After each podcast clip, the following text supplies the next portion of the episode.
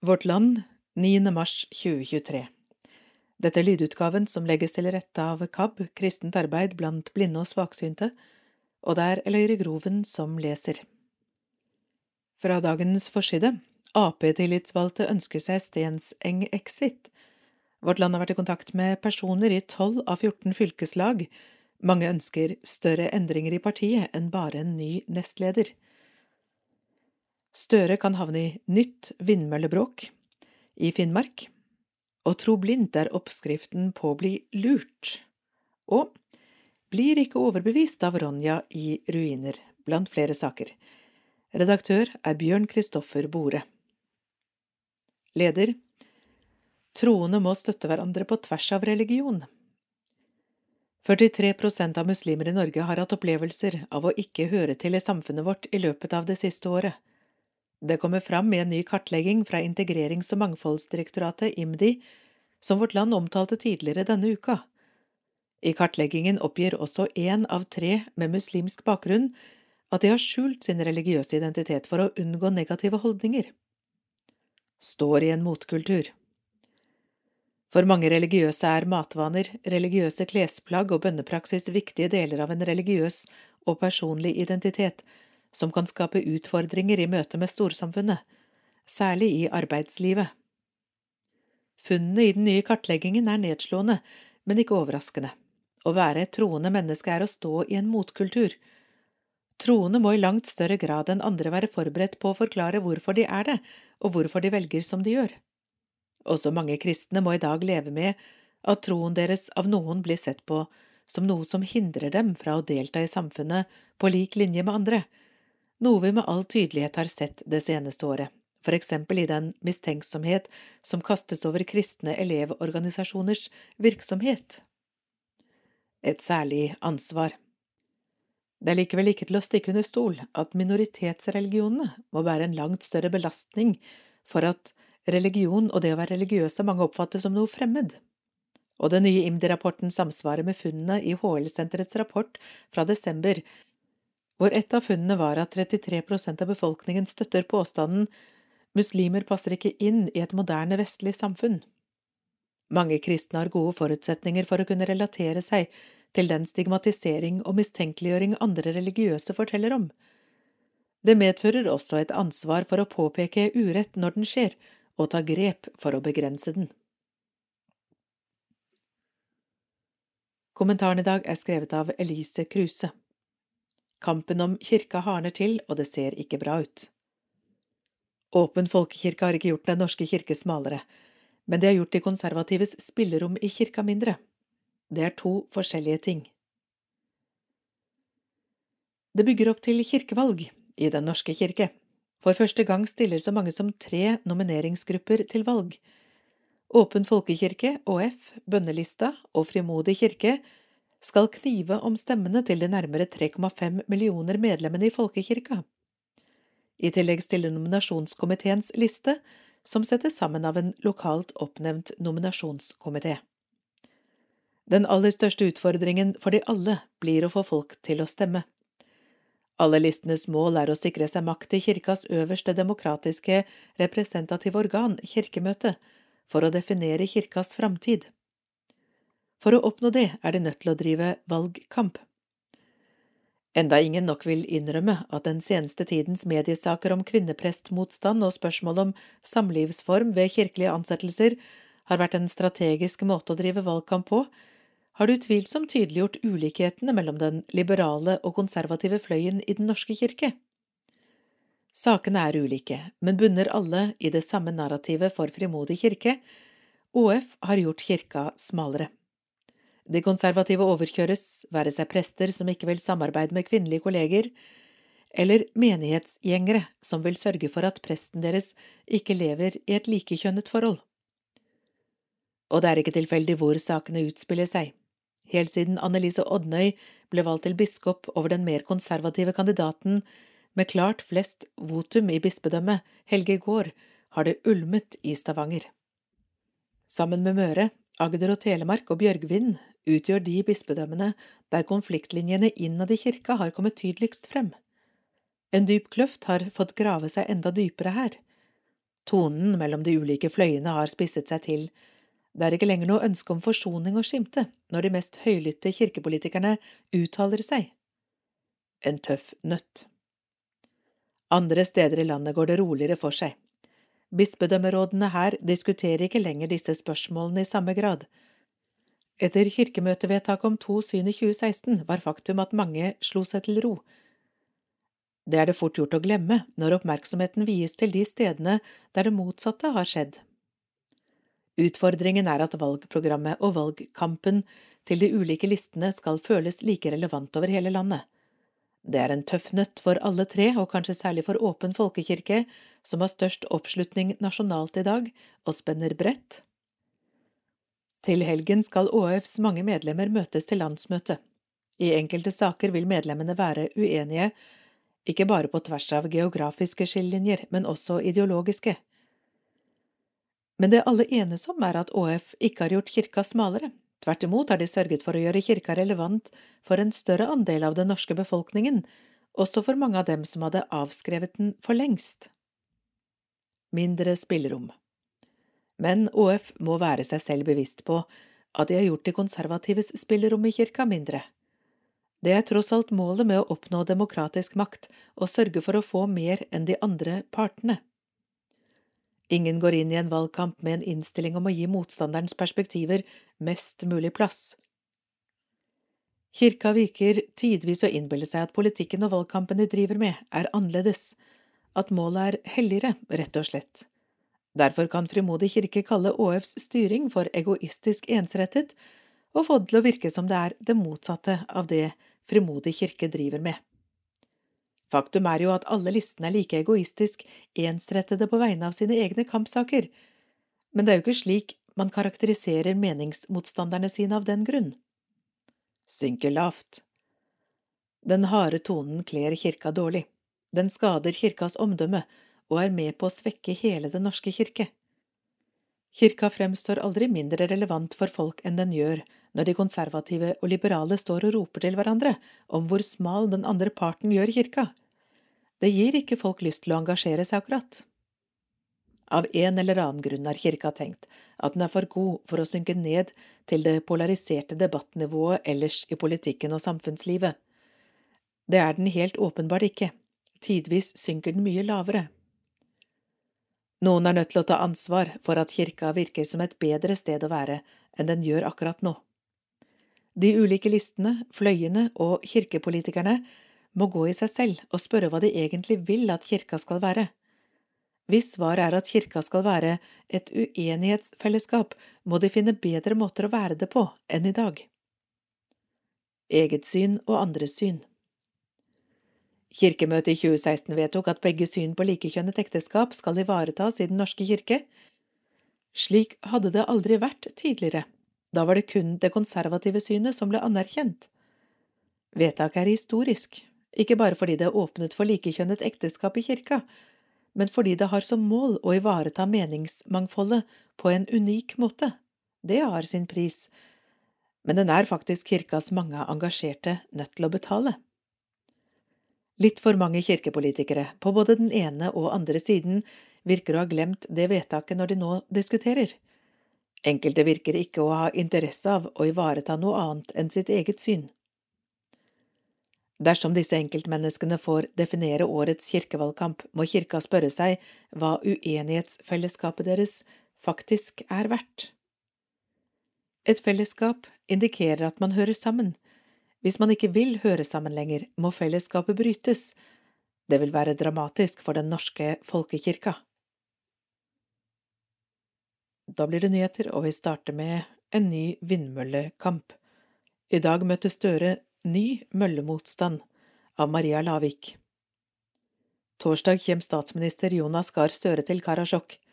Her blir han møtt med protester mot nye vindmøller i Finnmark. Vi vil vise Støre at vindkraft er totalt uønskt her oppe. Vi vil ikke ha noe nytt Fosen i Finnmark. Det sier Ragnhild Rajala Lauts, leder i Folkeaksjonen mot Davi vindkraftverk. Almot aksovna Davi begamilor. Målet er å vise Støre at det er massiv motstand i befolkninga mot vindprosjektet, både blant samer og andre grupper som bruker utmarka, sier hun. Torsdag klokka 15 holder Støre en tale for Sametinget i plenum. Før og etter talen til Støre kommer aksjonister til å holde appeller på Sametinget. Markeringa er en protest mot regjeringas handsaming av Fosen-saka. Mellom appellantene på programmet er også aksjonsgruppa mot den nye vindparken Davi. Turbina er nært heilagt fjell. Vindparken Davi er planlagt sør i Lebesby kommune. NVE skal snart sende planene ut på høring. Planene inkluderer 160 vindturbiner over 63 kvadratkilometer, med en samla effekt på inntil 800 megawatt. Da jeg fikk høre om dette, ble jeg grauglødende sint. Dette er det siste store, urørt naturområdet vi har her. Vidda og fjellet betyr mye for mange, det er rekreasjon, jakt og fiske. Slik har det vært i generasjoner, sier Ragnhild Rajala Lautz. Hun er sjøl samisk. Vindmøllene skal ligge ni kilometer unna Rastigaisa, et heilagt fjell for samene. Det er så respektløst å sette opp turbiner nær Rastigaisa, sier hun. Muotka omfatter kanskje flere enn Fosenmøllene. Støre møter også sametingspresident Silje Karine Muotka. også hun er kritisk til Davi-prosjektet. Davi-saka er svært alvorlig. De planlagde vindmøllene vil ramme mange ulike grupper, både reindriftssamer og andre brukere av utmarka. Davi-planene omfatter kanskje ei større gruppe enn Fosen-vindmøllene. Det er gått over 500 dager siden høyesterettsdommen kom om at vindmøllene på Fosen er oppført i strid med urfolks retter. Gjør høyesterettsdommen i Fosen-saka at du tror det er større sjanse å stanse planene i Davi? Det synes jeg er vanskelig å vurdere, all den tid staten strever med å få slutt på pågående menneskerettsbrudd i Fosen, svarer Muotka. Lover arbeidsplasser. Konsesjonssøker for Davi vindpark er Grenselandet AS, som er eid av energikonsernet ST1 og Ny Energi. På nettsidene lover Davi vindpark flere positive ringvirkninger om prosjektet blir realisert. 55 millioner kroner årlig i eiendomsskatt til Lebesby kommune ved full utbygging. 40 millioner kroner i grunneierkompensasjon i året. 30 nye permanente arbeidsplasser når anlegget er i drift. Låge strømpriser for innbyggerne i Lebesby. Kommunen har forhandla fram en strømpris på 10 øre per kilowattime i parkens levetid. Det er et politisk vedtak i Finnmark om å ha i drift 2000 megawatt vindkraft innen 2030, og vi mener Davi vindpark er et prosjekt som kan bidra til ny fornybar energi i et område vi mener kan sameksistere godt med reindrifta. Det skriver Svein Skudal Aase, daglig leder i Grenselandet AS, i en e-post til Vårt Land. Kritisk til private avtaler. Sameting, president, Silje Karine Måtka er kritisk til framgangsmåten til Grenselandet AS, som er konsesjonssøker for vindparken. Selskapet har kontakta enskilde rettighetshavere med tilbud om penger og opsjoner på penger for å godta anleggsarbeid. Det er gjort slike avtaler både med reineiere og sanke- og jaktlag i området, sier Motka.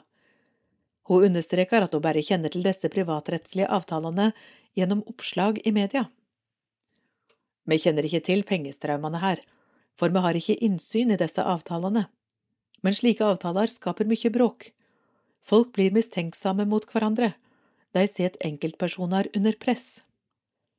Har avtale med et av tre reinbeitedistrikt. Svein Skudal Aase i Grenselandet AS har fått lese kritikken fra Moatka. Han foretrekker å svare skriftlig, han skriver i en e-post at selskapet har hatt møte med de råka distrikta siden 2009. Vi har gått i dialog og prøvd å finne avtaler med de som blir råka av en eventuell vindpark, slik det også blir gjort i alle andre større industrielle prosjekt i Norge. Det er tre reinbeitedistrikt som ville blitt påvirka av vindparken, da vi har avtale med en av dem. Åse mener videre at vindparken ikke fortrenger reindrifta, han viser til at planområdet ligger helt i sørenden av sommerbeite for reindriftsdistrikt 13. Ifølge selskapet sine undersøkelser blir området heller ikke brukt av reinen som luftingsområde. Etter våre vurderinger vil ikke et eventuelt inngrep utgjøre en trussel mot reindrifta, sier han. På nettsidene omtaler Grenselandet AS området for vindparken som karri, bestående stort sett av blokkstein. Dette er et naturlig unnvikelsesområde for rein. Skal snart på høring. Da er en av fire aktive vindkraftsaker i Finnmark. De tre andre er Laksefjorden, Digermulen og Sandsfjellet. Alle disse områdene er også tilknytt beiteområdet til rein. NVE planlegger høyring av de fire områdene i løpet av vinter og vår 2023. Vi går over til Arbeiderparti-kartlegging. Ap misnøye med Stenseng av Ragnhild Grungstad og Andreas WH Lindvåg. Vårt Land-kartlegging viser at nøkkelpersoner i en rekke fylker ønsker større endringer i Ap-ledelsen enn bare ny nestleder. Flere uttrykker misnøye med Kjersti Stenseng som partisekretær. Det spisser seg nå til i kampen om toppvervene i Arbeiderpartiet. Innen fredag må alle Aps fylkeslag ha spilt inn sine kandidater til plass i partiets sentralstyre. På oppløpssiden har tunge fylkeslag også spilt inn sine favorittnavn til den ledige posten som nestleder, der Tonje Brenna er soleklar favoritt. Men bak de formelle svarene til valgkomiteen gjemmer det seg sprengstoff. Ute i Aps partiorganisasjon er det nemlig misnøye rundt partisekretær Kjersti Stenseng. Snakker varmt om Tajik. Vårt Land har vært i kontakt med tolv av 14 fylkeslag, bortsett fra Buskerud og Akershus, og til sammen snakket med rundt 20 tillitsvalgte. Enkelte ønsker ikke å mene noe om partisekretærvervet. Noen få mener det er for krevende å gjøre store endringer i ledelsen i tiden Ap er i nå. Vårt lands kartlegging viser også at det er mange som snakker varmt om Hadia Tajik, enn det nominasjonsprosessen har gitt uttrykk for så langt. Flere peker på Tajik som en populær kandidat for nestleder-comeback. Hadia Tajik var nestleder i Ap fra 2015 til 2022. I fjor trakk hun seg etter at VG avslørte rot med en pendlerbolig mellom 2006 og 2010. Praten går, noe må gjøres med partisekretæren. Det er ikke tradisjon i Ap for å kritisere eller utfordre navngitte personer i ledelsen offentlig i en valgprosess. Til nå har kun Hamar Ap sagt til TV 2 at det trengs en ny partisekretær. Tre begrunnelser peker seg ut blant vårt lands kilder. Noen er frustrerte fordi de mener Stenseng ikke klarer å samle og bygge partiorganisasjonen etter åtte år som partisekretær. På hennes vakt har Ap sett fallende medlemstall og oppslutning. Flere av vårt lands kilder mener det ikke lages nok ny politikk fra Youngstorget. De viser til at Kjersti Stenseng, som valgt partisekretær, har stor politisk makt. Andre er misfornøyd med Kjersti Stensengs håndtering av metoo-saker som rystet partiet i 2017. I 2018 gikk Stenseng høyt ut i VG og sa at Aps oppslutning må være over 30% Vi skal over tid ikke være under 30 det går ikke blande følelser om å reise partisekretærkamp. Kjersti Stenseng ønsker gjenvalg, og noen av vårt lands kilder mener derfor det vil være krevende å utfordre henne. De frykter at en partisekretærdebatt vil skygge for det politiske verkstedet landsmøtet skal være. Andre mener at Ap ikke har råd til å sitte stille i båten, og at fornyelse må til for å snu skuta. Aps partisekretær Kjersti Stenseng svarer på kritikken. Jeg kan ikke kommentere påstander og karakteristikker som fremsettes anonymt gjennom vårt land. Jeg har sagt jeg ønsker gjenvalg. Nå er det en demokratisk prosess i partiet, styrt av valgkomiteen, som vi alle skal forholde oss til, skriver Kjersti Stenseng i en SMS til Vårt Land. Skriver seg inn i større ledelsesdebatt. Den ulmende misnøyen med Stenseng skriver seg inn i en større ledelsesdebatt i et Ap som strever kraftig på meningsmålingene. Den skjøt fart forrige uke, da Vårt Land meldte at Ap-topper vil ha både Tonje Brenna og Hadia Tajik som nestleder. Konsekvensen av en slik løsning vil være at sittende nestleder Bjørnar Skjæran vrakes, mens partisekretær Kjersti Stenseng må erstattes av en mann for å ivareta regler om kjønnsbalanse. Fra enkelte hold i Nord-Norge påpekes det som sannsynlig at alle fylkene i nord vil forsvare Skjæran. I resten av landet er det få som tar til orde for å vrake ham, men det er også få som forsvarer ham. En rekke personer peker på at Brenna og Tajik har svært ulike kvaliteter som hadde passet godt sammen. Dessuten mener flere at partiet ikke har råd til å sette to så dyktige kvinner opp mot hverandre. Men veien mot et nestlederverv ser langt tyngre ut for Hadia Tajik enn for Tonje Brenna, som møter nærmest unison støtte i hele landet. Flere stemmer peker på at det er for risikabelt å bytte ut så store deler av ledelsen på én gang. Noen få peker på at pendlerboligsaken fortsatt står i veien for et Tajik-comeback. Sedvanen i Ap er å bare foreslå navn til lederverv som er ledige. De aller fleste fylkeslag har derfor spilt inn en nestlederkandidat. Foruten Rogaland Ap, som har spilt inn sin egen Hadia Tajik som nestleder, har så langt alle fylkeslag og AUF pekt på Tonje Brenna. Men før årets landsmøte har noen likevel valgt å melde inn synspunkt om den sittende ledelsen også. Homonettverket i Ap har spilt inn Tonje Brenna og Hadia Tajik som nestlederduo. To av Aps største fylkeslag har meldt inn støtte til Kjersti Stenseng, i tillegg til å peke på Tonje Brenna som nestleder. Det er Stensengs hjemfylke Innlandet og Trøndelag Ap. Vinner de to tungvekterne fram med forslagene sine, blokkerer det veien for et nestledercomeback for Hadia Tajik. Årsaken er Aps regel om kjønnsbalanse i ledelsen. Jonas Gahr Støre har vært tydelig på at han ønsker to nestledere i partiet. Etter at Hadia Tajik gikk av i fjor på grunn av pendlerboligsaken, har Arbeiderpartiet kun hatt én, Bjørnar Skjæran. Hvem skal eventuelt ta over? Oslo Arbeiderparti vedtok tirsdag kveld at de ønsker å ha endringer i partiledelsen i Arbeiderpartiet. Hva slags endringer de ønsker, kommer ikke fram av vedtaket. Til tross for at krefter ønsker å bytte ut dagens partisekretær, er det få navn på blokka, og ingen spesielle navn trekkes fram. Noen poeng og navn pekes på. Foreløpig er det kun Helga Pedersens navn som er nevnt offentlig. Pedersen er et navn som også er nevnt i samtalene med Vårt Land, men skal en ny kvinne tre inn som partisekretær, innebærer det at partiet må velge mellom Tajik og Brenna for å opprettholde kjønnsbalansen i Aps ledelse. Flere peker på at hvis Bjørnar Skjæran skal ut, er det viktig at en av personene i ledelsen er fra nord for Dovre. Tore O. Sandvik fra Trondheim er et navn som løftes av noen få personer. En del mener at Tonje Brenna, med sine organisatoriske evner og erfaring som AUFs tidligere generalsekretær, ville gjort en utmerket jobb på Youngstorget. Nå skal vi til Sagavold folkehøgskole og kristendom. Her lærer elevene å tenke kritisk av Morten Marius Larsen. Å tro blindt er oppskriften på å bli lurt, mener lærer Tom Arne Møller Bråten. På Sagavold folkehøgskole har han startet et eget fag i kritisk tenkning. La oss si at du ber til Gud, og så skjer det noe som er i tråd med det du ber om. Er det tilfeldig, eller er det Gud som står bak? Det er et spørsmål vi må erkjenne at vi som kristne aldri helt sikkert kan vite svaret på. Spørsmålet kommer fra lærer Tom Arne Møllerbråten i et klasserom på Sagavold folkehøgskole på tettstedet Gvarv i Midt-Telemark. Bak skrivebordene sitter 17 elever med penn og papir for å notere.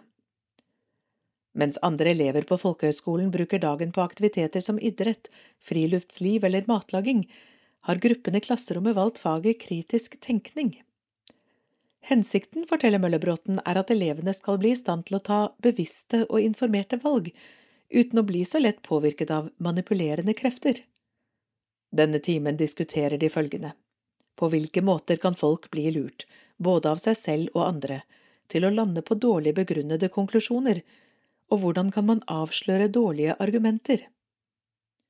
Koster mye å endre tro. Gjennom undervisningstimen går Møllebråten gjennom flere eksempler på logiske feilslutninger. Ikke minst forteller han om psykologiske mekanismer det er lett å la seg lure av. Årsak–virkning at to hendelser skjer etter hverandre eller samtidig, betyr ikke at det nødvendigvis er sammenheng mellom dem. Glorieffekten Hvis noen har god kunnskap om et område, tenker vi at det også gjelder på andre områder. Bekreftelsesbias Vi søker bekreftelse på det vi allerede tror vi vet, eller det vi mener. Det koster oss veldig mye å skifte mening eller tro, derfor vil vi, så lenge vi kan, holde fast ved den troen vi har, å lytte etter det vi allerede tror, sier Møller-Bråten i undervisningen. Like viktig som samfunnsfag. Jeg kjenner meg igjen i alt, utbryter Karin Olivia Mo, 19 år, etter å ha diskutert undervisningen i grupper. Flere har rukket opp hånden i løpet av timen og bekjent sine blindsoner. Alt fra troen på at ritualer før en håndballkamp, slik som et riktig utført håndtrykk, kan påvirke resultatet, til eksempler på meninger de har arvet fra foreldre, for deretter å endre. Hvorfor er det viktig å bli klar over egne blindsoner? Det gjør at man får bedre selvinnsikt. Noen ganger kan man hoppe raskt til konklusjoner, selv om ting ikke er så svart-hvitt som man tror, sier Signe Prestholt, 22 år. Blant ting det er grunn til å være skeptisk til, trekker elevene fram konspirasjonsteorier og ting man leser på internett, men også markedsføring av produkter noen vil påvirke dem til å kjøpe.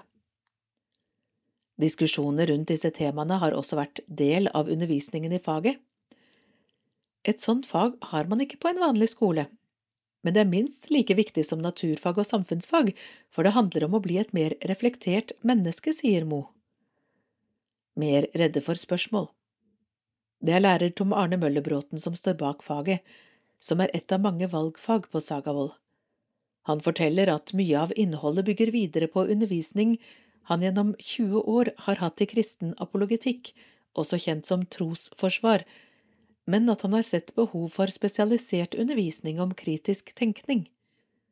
Etter mange år som folkehøyskolelærer mener han å se en utvikling i holdningene blant unge. Før var elevene mindre redde for å mene ulike ting, det kan godt hende de fremdeles har ulike meninger, men nå tør de ikke si det, forteller han. En utfordring, mener han, er at mange unge er redde for å stille spørsmål ved den rådende kulturen. I stedet for å delta i debatt blir de tause og usikre på om det er lov å stille spørsmål ved etablerte sannheter, sier han. Hva tror du elevene sitter igjen med etter dette faget? Jeg vet at flere av dem blir mer kritiske, men det er viktig å si at det å være kritisk ikke er det samme som å være negativ. Det handler om å være undersøkende, noe som er en bra ting. Kristen folkehøgskole Sagavold er en kristen folkehøgskole tilknyttet flere kristne organisasjoner, blant annet Kristen idrettskontakt, KRIK, Nordmisjon og KFK-KFUM. Møllebråten mener at kristne, i likhet med andre troende og ikke-troende, har godt av å bli bevisste på psykologiske mekanismer for eksempel det at man ofte søker bekreftelse på det man allerede tror. Jeg er litt redd for at enkelte kristne tenker at de ikke gjør beslutningsfeil og tankefeil, fordi de har en så sterk overbevisning. Likevel avviser han at kristne i det store og hele tenker mindre kritisk enn andre. I det hele tatt mener han det er for lite kritisk tenkning i samfunnet. Sagavold er en kristen folkehøyskole. Er dere redd for at noen elever skal bli så kritiske at de slutter å være kristne? Nei, det er nok fordi jeg vet at det å tenke og stille spørsmål ikke er uforenlig med det å ha en kristen tro, tvert imot. Det koker ned til det helt enkle. At hvis det man tror på er sant, så kan det ikke være feil å stille spørsmål og undersøke. Det å la være å tenke kritisk og heller tro på noe blindt, er på ingen måte å anbefale, mener han. Det er oppskriften på å bli lurt. Jeg klarer bare ikke se noen stor verdi i å la være å tenke. Men vi har aldri noen garanti for at vi ikke setter i gang tanker som fører til at elevene inntar ståsteder jeg selv ikke ville ha valgt, sier han. Han viser også til at organisasjonene som eier Sagavold, har ulike meninger. For folkehøgskolen er undervisning i kritisk tenkning i tråd med det samfunnsoppdraget de har, forteller han. Det er ikke et mål at elevene skal gå ut herfra med bestemte meninger, men at de skal bli opplyste, dannede og mer reflekterte. Da skal vi til eh, Kirkens nye hus. Ja til kirkelig storstue av Caroline Teinem Gilje.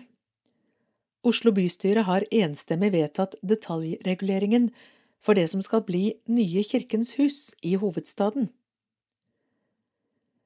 Det er en stor milepæl at detaljreguleringen er vedtatt, og vi gleder oss til videre utvikling og realisering av nye Oslo Hospital, som skal huse nye Kirkens Hus, sier Bernt Nordby Skøyen, daglig leder i Clemens Eiendom.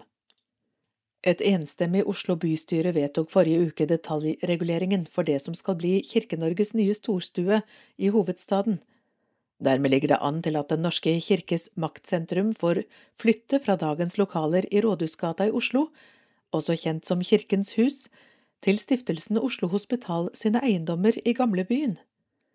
Clemens Eiendom eier det nåværende Kirkens hus. Her holder blant annet Kirkerådet, Bispemøtet, Presteforeningen og KA arbeidsgiverorganisasjon for kirkelige virksomheter til i dag. Clemens Eiendom er et heleid datterselskap av Opplysningsvesenets fond, OVF. Fantastisk tilskudd. Tanken med de nye lokalene er å samle både disse og flere andre kristne aktører på samme sted. For syv år siden skrev Vårt Land at OVF den gang ville skru opp husleien for DNKs nasjonale administrasjon. Begrunnelsen var at det ville gi størst mulig overskudd til kirken. Men for kirken ble husleien skrudd så høyt opp at kirken så seg nødt til å finne nye lokaler. Ifølge Skøyen handler flyttingen om at dagens lokaler har behov for rehabilitering. På vegne av aktørene har Clemens Eiendom holdt i prosessen mot realisering av en ny kirkelig storstue siden planleggingsprosessen for et nytt Kirkens hus startet tilbake i 2017. I 2019 ble Oslo Hospital pekt ut som en aktuell eiendom. Siden da har eiendomsselskapet og stiftelsen Oslo Hospital vært i tett dialog med antikvariske myndigheter og reguleringsmyndigheter.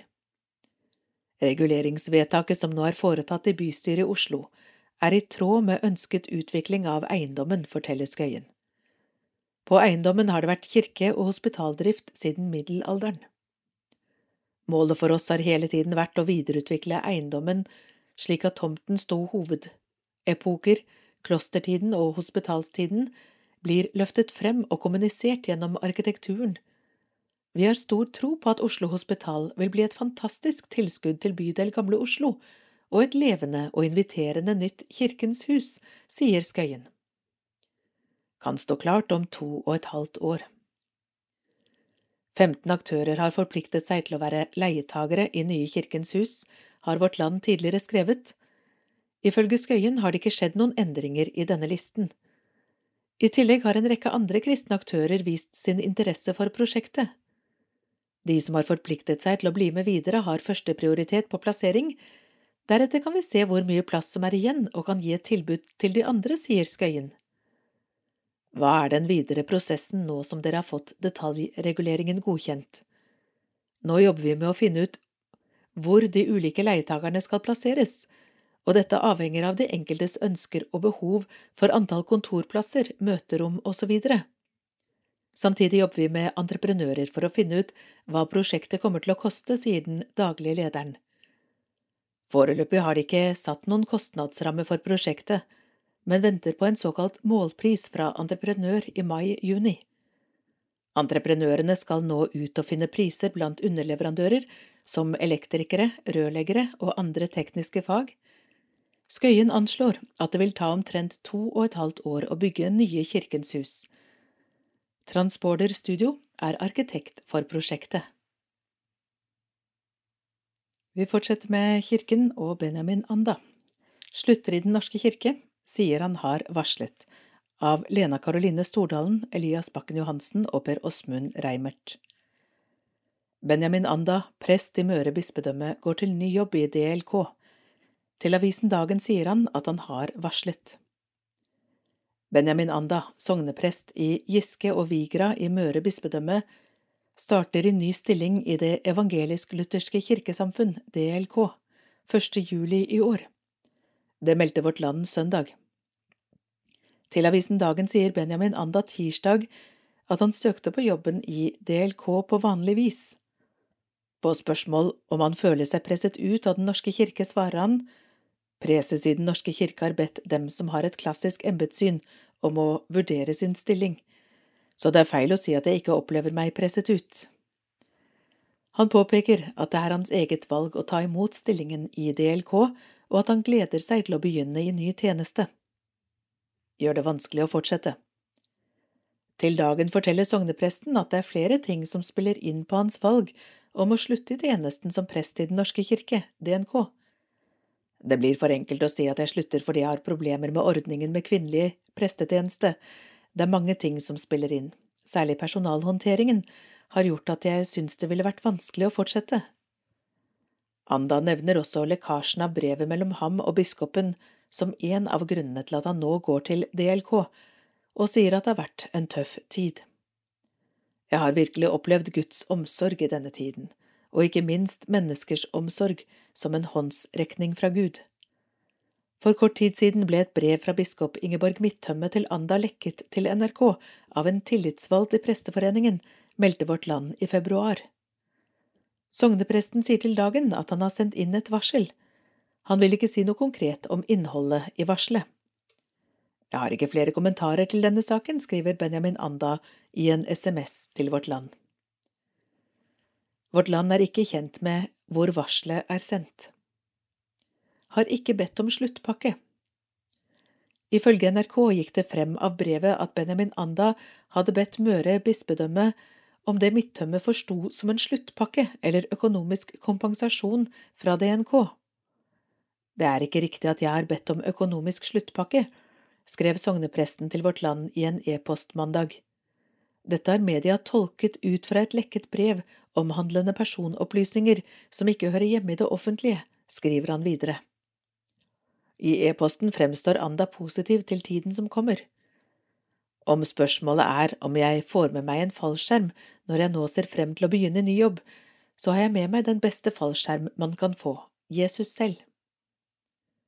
Vårt Land har bedt stiftsdirektøren i Møre bispedømme, Bjørn Olav Storhaug, svare på om bispedømmet har gitt Benjamin Anda en økonomisk sluttpakke eller fallskjerm av annen art når han nå slutter i DNK.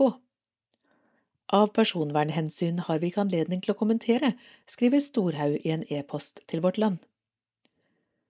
Kan ikke avstå fra samarbeid. Benjamin Anda er en av få prester i DNK som de siste årene har vært åpen om at han mener kvinnelig prestetjeneste ikke er i tråd med Bibelen. I 2019 skrev han et leserinnlegg til Vårt Land om tematikken. Der skrev han blant annet Debatten om kvinnelige prester blir fort en likestillingsdebatt i stedet for en teologisk en må vi som står fast ved at prestetjenesten er lagd på mannen, i saken ties til? I 2020 uttalte bispemøtet i DNK at det ikke er anledning for mannlige prester til å la være å samarbeide med sine kvinnelige kolleger. En prest kan ikke påberope seg en rettighet til å avstå fra samarbeid med andre prestekolleger, sa preses Ola Fykse Tveit til Vårt Land den gang. I DLK, hvor Anda nå skal jobbe som prest, er veien til prestetjeneste stengt for kvinner. Vårt Land har vært i kontakt med Møre bispedømmeråd og spurt om de kan bekrefte at de har mottatt et varsel, og i så fall hvordan de vil behandle det. Av personvernhensyn ønsker de ikke å kommentere. I Verdidebatt så starter vi med et innlegg om aktiv dødshjelp av Hadle Rasmus Bjuland, leder i KrFU. Staten bør aldri sette selvmord i system. Det gjør inntrykk på oss alle å høre beretninger om ressursmangel og lange ventetider på norske sykehjem. Å innføre aktiv dødshjelp er likevel feil medisin.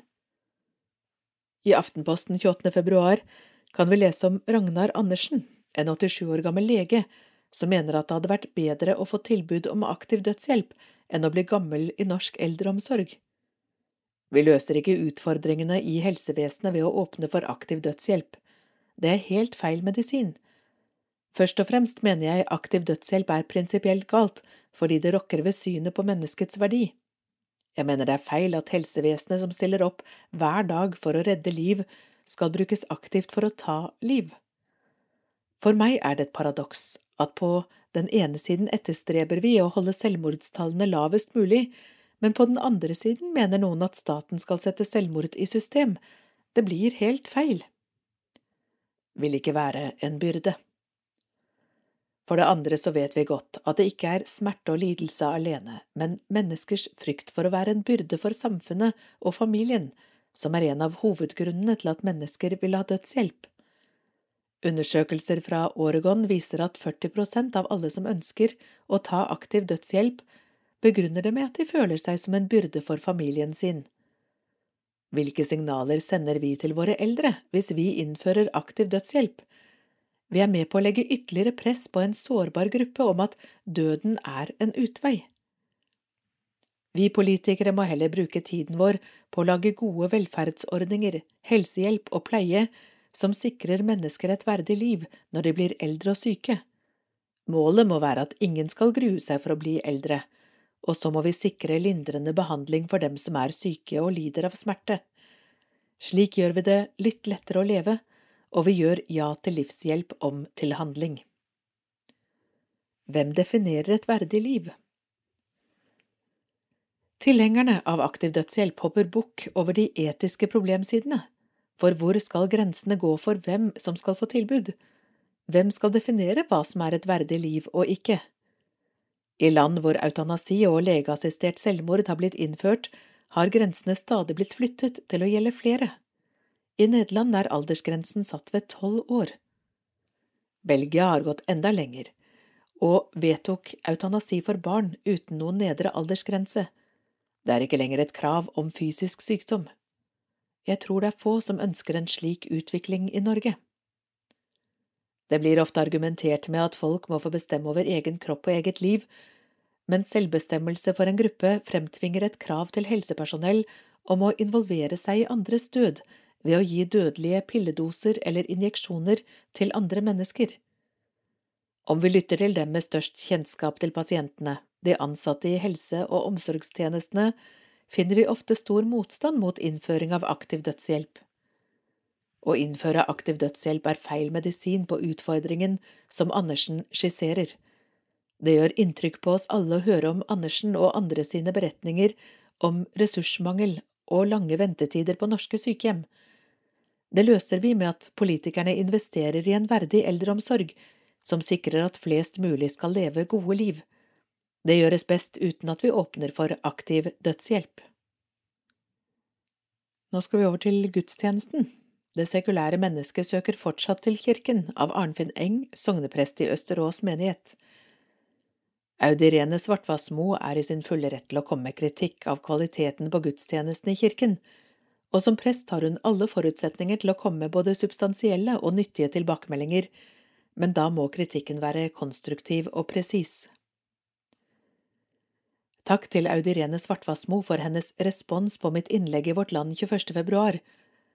Hvorvidt Vårt Lands lesere skal ha interesse av å følge denne samtalen, tenker jeg den må fokusere på kirkens posisjon i vårt samfunn og det som var Svartvassmos anliggende i hennes første innlegg, at kirkens gudstjenesteliv ikke er interessant for vår tids sekulære mennesker og følgelig står i fare for å dø.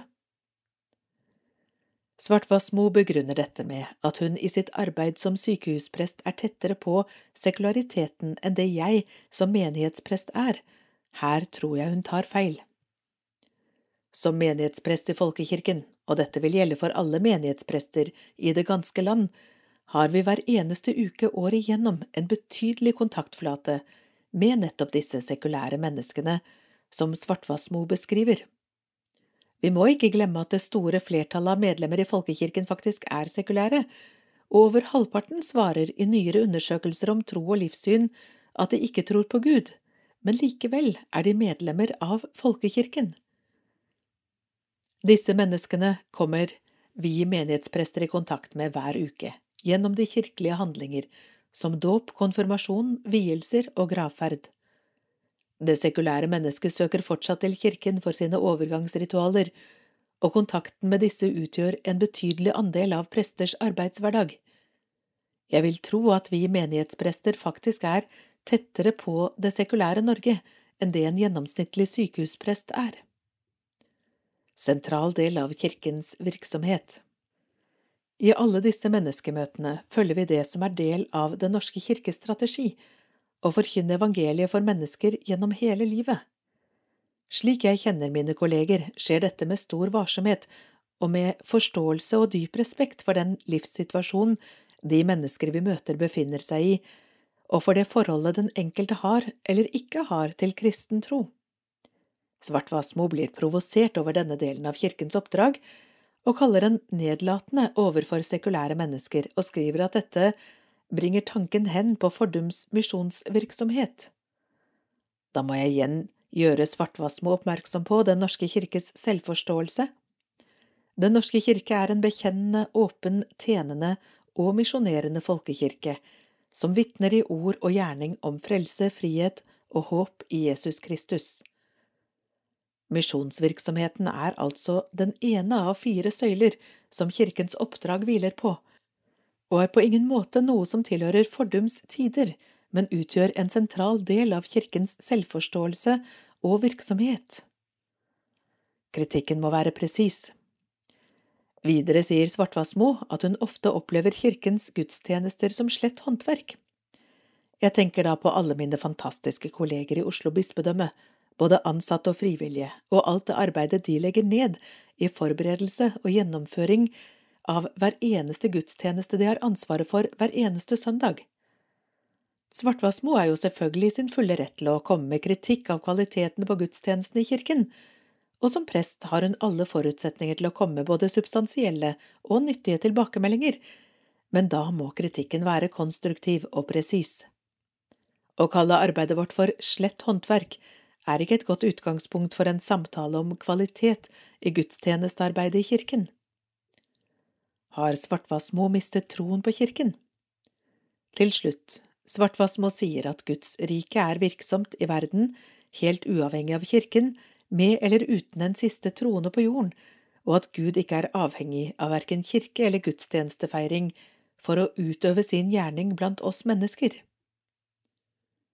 Det virker som om hun helt har mistet troen på at kirken kan være stedet der jord og himmel møtes, og at vi i gudstjenesten kommer i berøring med Guds bankende og livgivende hjerte midt i vår verden og midt i våre liv.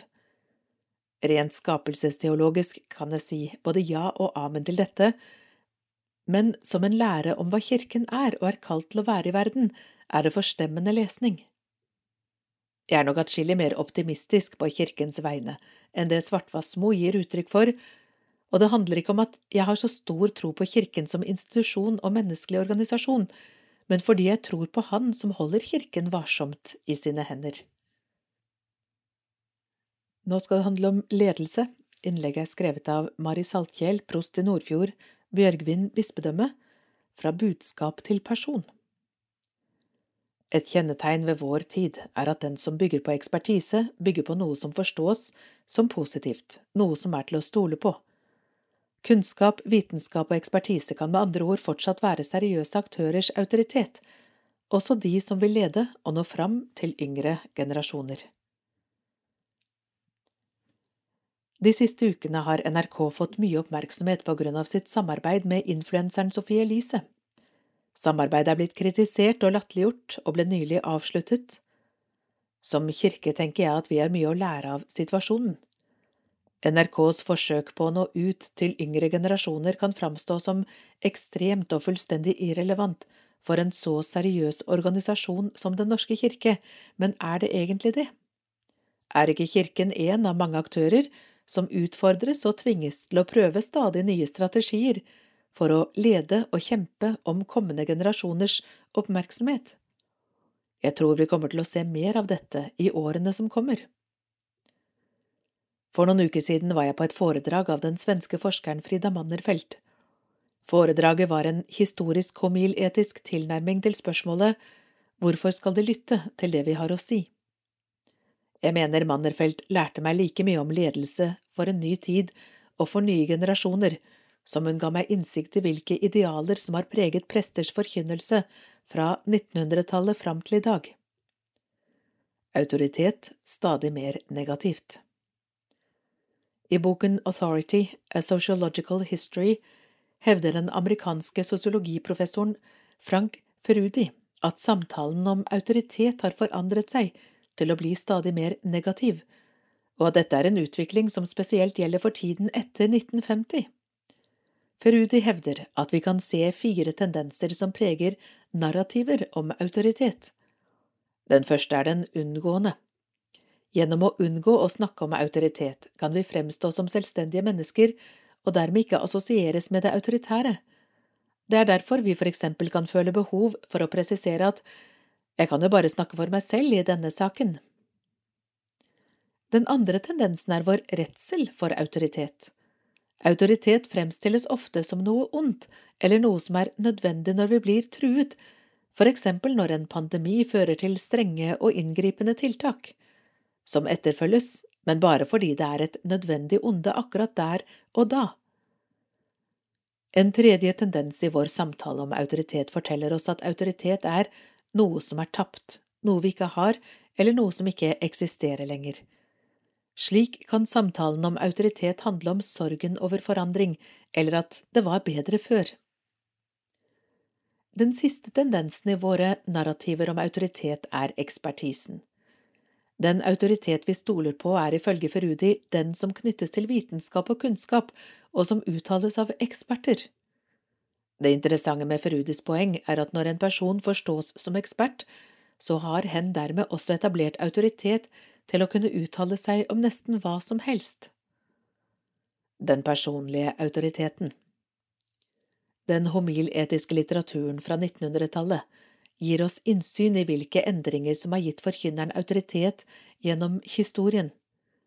Mannerfeld skiller mellom offentlig og personlig autoritet når hun svarer på spørsmålet med hvilken autoritet forkynnes evangeliet i dag. Svaret finner hun i dreiningen fra å betone den offentlige autoriteten som ligger i ekspertise og representasjon av det hellige, til en økende vilje til å framheve den personlige autoriteten. Ifølge Mannerfeld kan dette noe forenklet forklares som et skifte fra budskap til relasjon. Dette gjelder alle kirker, hevder Mannerfeld, selv om det ikke er uproblematisk. Vox pulpit risikerer å bli vox populi. Med det menes at vi risikerer å si det som lytterne vil høre, fordi betoningen av den personlige autoriteten gjør kirken mer avhengig av bekreftelse. Kirkens profetiske stemme risikerer å få stadig svakere volum. Det er ingen tilfeldig utvikling.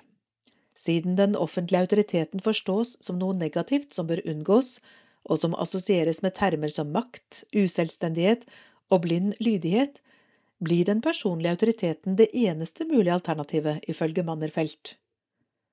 Instabil autoritet Det problematiske med betoningen av personlig autoritet er at den er avhengig av at andre bekrefter den. Det er en veldig instabil autoritet. Som kirke klarer vi kanskje å unngå å bli så avhengig av enkeltpersoner.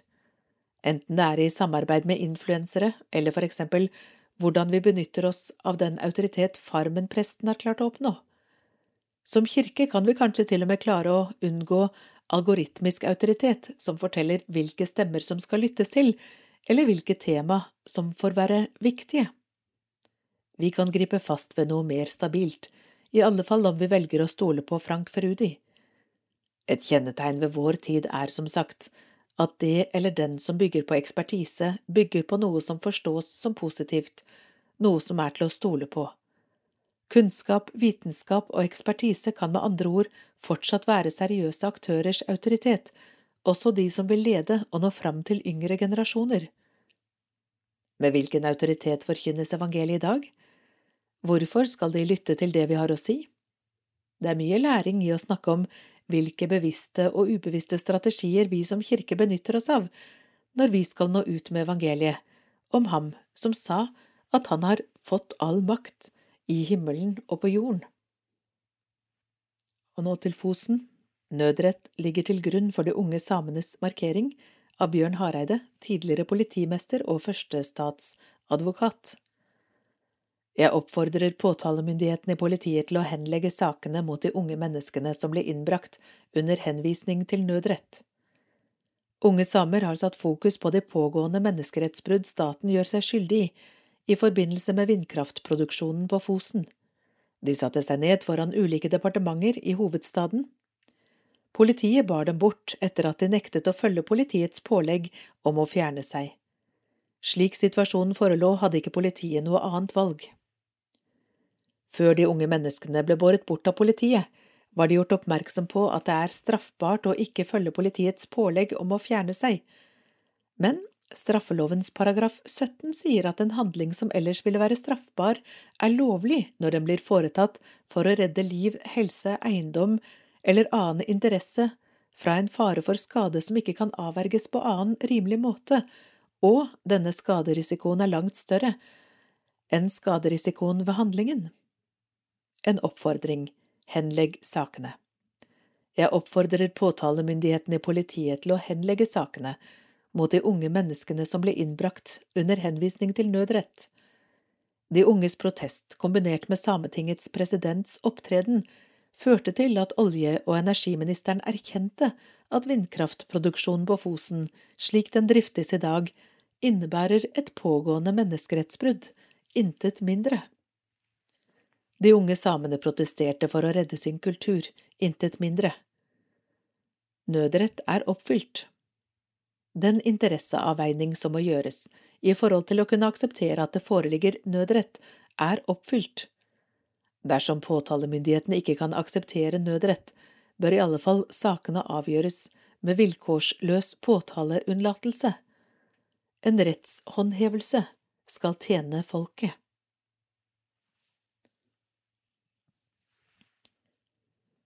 I Kultur i dag blir det teateranmeldelse. Det er Det Norske Teatret sin versjon av Ronja Røvardotter av Astrid Lindgren, dramatisert av Anina Enkel, regissør Katrine Telle. Røverliv i krigsruiner. Anmeldelsen er skrevet av Kjersti Juel. Regigrepet med å legge Ronja Røvardotter til en moderne krigsruin blir mer en påstand enn noe som løfter Lindgrens evig aktuelle fortelling. Astrid Lindgren ble en gang spurt om hvordan hun hadde kommet på å skrive denne røverhistorien, en sjanger som kanskje heller hører et annet århundre til. Jeg ville komme ut i skogen, var svaret. I Ronja Røvardotter er barnets frie, uovervåkte lek i naturen en kilde til læring og utvikling. Naturen har en oppdragende effekt og fremstår ikke bare som et bakteppe, men en viktig aktør i Lindgrens fortelling.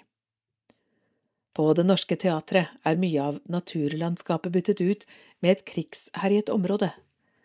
Regissør Katrine Telles tanke om å legge handlingen i Ronja Røvardotter til en moderne krigsruin høres umiddelbart ut som en god idé.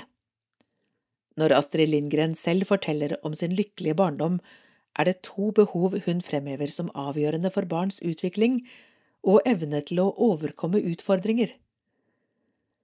Två ting hadde vi som gjorde vår barndom til det den var – trygghet og frihet. Å vokse opp uten dette, i en kaotisk tid som følge av voksnes uforstand, er i dag skjebnen til flere barn enn på lenge. Eksistensiell smerte. Thea Lambrecht Vaulen er en sterk, sta og egenrådig Ronja. Hun blir født en uværsnatt, men der et lynnedslag deler Mattisborgen i to i originalen, skjer det her som følge av et bombeangrep. På Det Norske Teatret innlemmes vi umiddelbart i det mørke og dunkle gjennom stemningsfull lysdesign. Scenograf Tore Sæther bygger godt opp om det skremmende med en ruvende borg som fyller nesten hele scenen.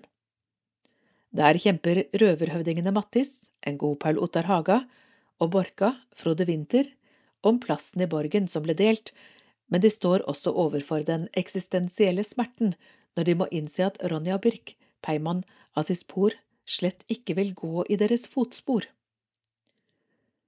Med farens knusende replikk, jeg har ikke noe barn lenger, rømmer Ronja ut i skogen, som kan være full av farer, villvetter og grådverger når mørket siger på. Uklart bakteppe I skogen ligger mye potensial til å fenge små og store publikummere. Hvem husker vel ikke de merkelige små skapningene som sier Offe Dodo? Udødeliggjort gjennom Tage Danielssons filmatisering fra 1985. I Telles versjon har de blitt til forhutla foreldreløse barn som søker ly i et utbrent bilvrak. Her må mye av fortellingens magiske og morsomme ingredienser vike for realismen, men up-to-date-grepet klarer aldri helt å berøre eller integreres i resten av scenefortellingen. I stedet fremstår krigstematikken noe uforløst, som når uniformerte mennesker fyker forbi med maskingevær uten at det får noen videre foranledning eller konsekvens. Mer enn å gå i dybden kommer krigen til syne som et litt uklart bakteppe for handlingen. Forfriskende. De musikalske innslagene med flerstemt røversang og forfriskende dans eller breakdance hører til forestillingens høydepunkt. Et annet vellykket grep er de skumle villvettene med meterlangt vingespenn som spennende krydder for de minste. Der Lindgrens røvere er skitne, skjeggete og i overkant tøffe menn som, når det kommer til stykket, er veldig følsomme, glipper noe av denne morsomme motsetningen i Telles regi. Her er røverlooken mer androgyn, med et kostymedesign som nærmest går amok i disharmoni, ettersom røverne kler seg i ymse plagg de har røvet til seg. Helveteskapet som åpner seg når borgen blir delt i to, er ikke bare et symbol på kløften mellom Mattisrøverne og Borkarøverne, men på konflikten mellom far og datter. Mattis elsker henne høyere enn alt, og relasjonen kunne med fordel blitt gitt mer plass. Ronja har en frelsende effekt på sin far, men når vi ser så lite til savnet og angeren, fremstår forsoningen mer som en forklaring enn noe vi får ta del i. Ladet med verdier Mellom linjene i Ronja Røvardotter ligger basale og evigvarende temaer som ikke nødvendigvis trenger oppdaterte ytre omstendigheter for å treffe dagens publikum. Ronja Birk ser uforstanden hos de voksne og kjemper for at de rivaliserende røverklanene skal slutte fred.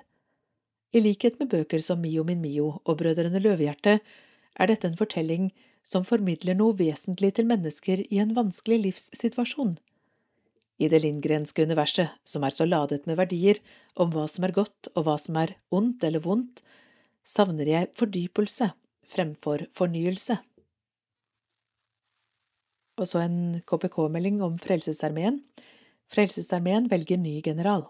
Den nåværende verdenslederen for Frelsesarmeen går av med pensjon i år. Torsdag 18. mai, på Kristi himmelfartsdag, samles Frelsesarmeens internasjonale ledere fra hele verden i London for å velge ny verdensleder, eller general. Den som velges, blir den 22. general i bevegelsens historie, helt fra William Booth grunnla Frelsesarmeen i 1865. Den nåværende verdenslederen, canadieren Brian Peddle, har vært general siden 2018. Han trekker seg tilbake etter oppnådd pensjonsalder, han fyller 66 år i august. I gruppen som samles vil det også være flere norske frelsesoffiserer. Kommandørene Lisbeth og Knut David Velander, som leder Frelsesarmeens arbeid i Norge, Island og Færøyene, kommandør Bente Gundersen, som er leder for Frelsesarmeen i Nederland, og kommandør Birgitte Brekke Clifton, som er knyttet til Frelsesarmeens internasjonale hovedkvarter. I tillegg deltar oberstene Kjersti og Jan Risan, som er ledere for Frelsesarmeen i Danmark. De fleste av Frelsesarmeens 21 generaler har hatt en gjennomsnittlig funksjonstid på mellom fire og fem år.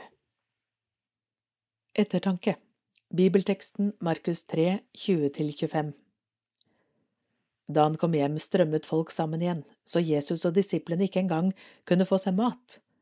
Da hans nærmeste hørte det, gikk de av sted for å ta hånd om ham, for de sa, han er gått fra forstanden. De skriftlærde som var kommet fra Jerusalem, sa, han har Belsebul i seg. Det er ved hjelp av herskerne over de onde åndene at han driver de onde åndene ut. Da kalte han dem til seg og talte til dem i lignelser. Hvordan kan Satan drive ut Satan?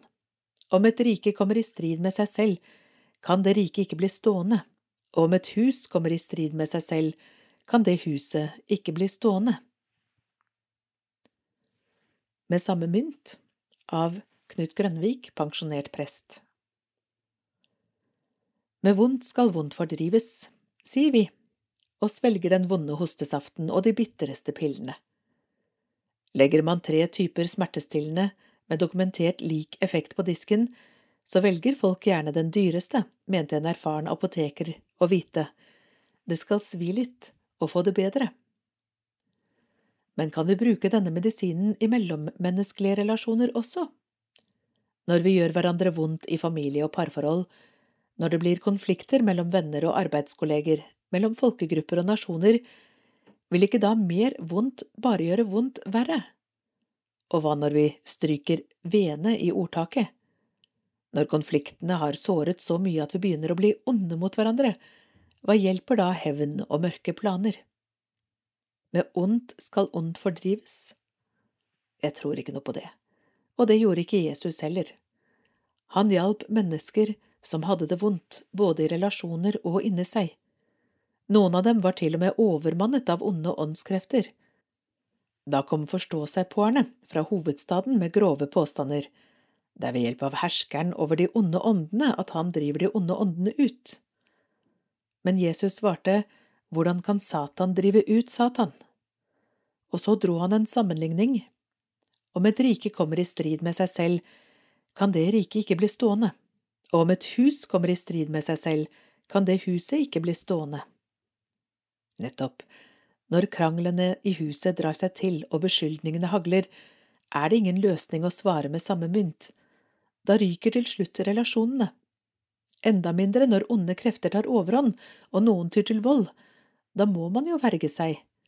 Men motvold er en kortsiktig løsning, for hvor lett blir man ikke selv ond? La ikke det onde overvinne deg, men overvinn det onde med det gode, skriver Paulus til de kristne i Roma, Romerbrevet 12,21. Det var det Jesus gjorde. Han ble salvet av Gud med hellig ånd og kraft, og han gikk omkring overalt og gjorde vel og helbredet alle som var underkuet av djevelen, forklarer Peter i en av sine berømte taler, Apostlenes gjerninger 1038. Men ofte blir slik godhet latterliggjort. Selv Jesu nærmeste tok avstand, han har gått fra forstanden. Og siden har mange fått merke det Jesus måtte bøte med livet for. Det kan gjøre vondt å gjøre godt.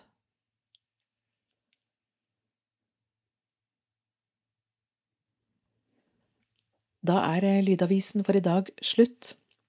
Ha en knallfin dag.